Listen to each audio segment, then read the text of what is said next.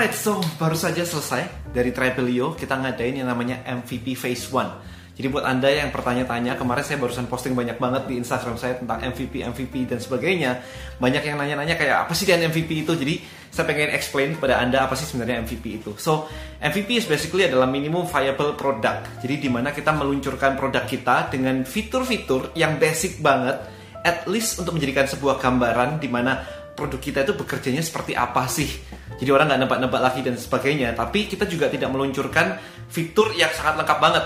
Karena you know kalau kita meluncurkan fitur yang sudah sangat lengkap banget perfeksionis dan sebagainya kemudian ternyata effort kita itu kan mahal banget tuh. Develop software kayak begitu bisa ratusan juta kan untuk sekian bulan begitu. Nah ketika anda bikinnya terlalu perfeksionis dan kemudian anda luncurkan dan ternyata orang nggak suka maka Anda membuang ratusan juta begitu kan untuk development waktunya juga timnya semuanya begitu.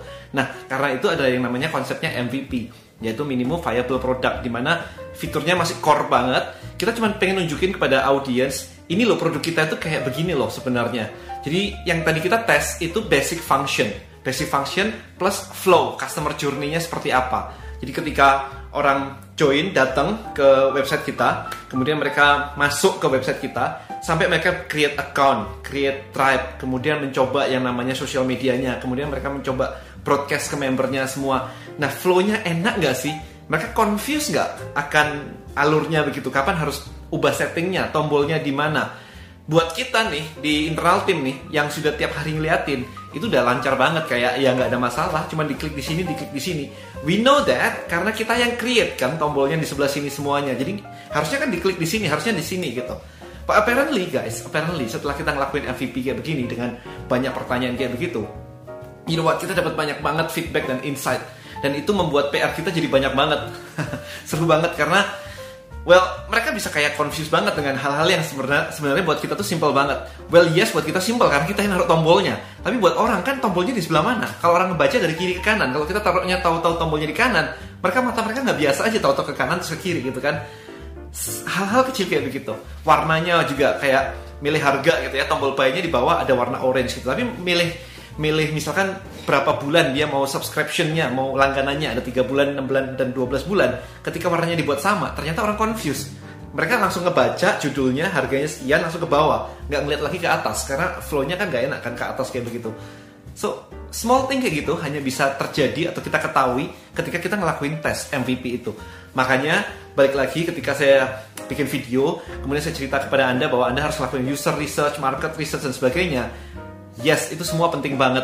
Anda mendesain produk ukuran segini, segini, segini, misalkan yang kemarin saya cerita tentang shampoo dan sebagainya.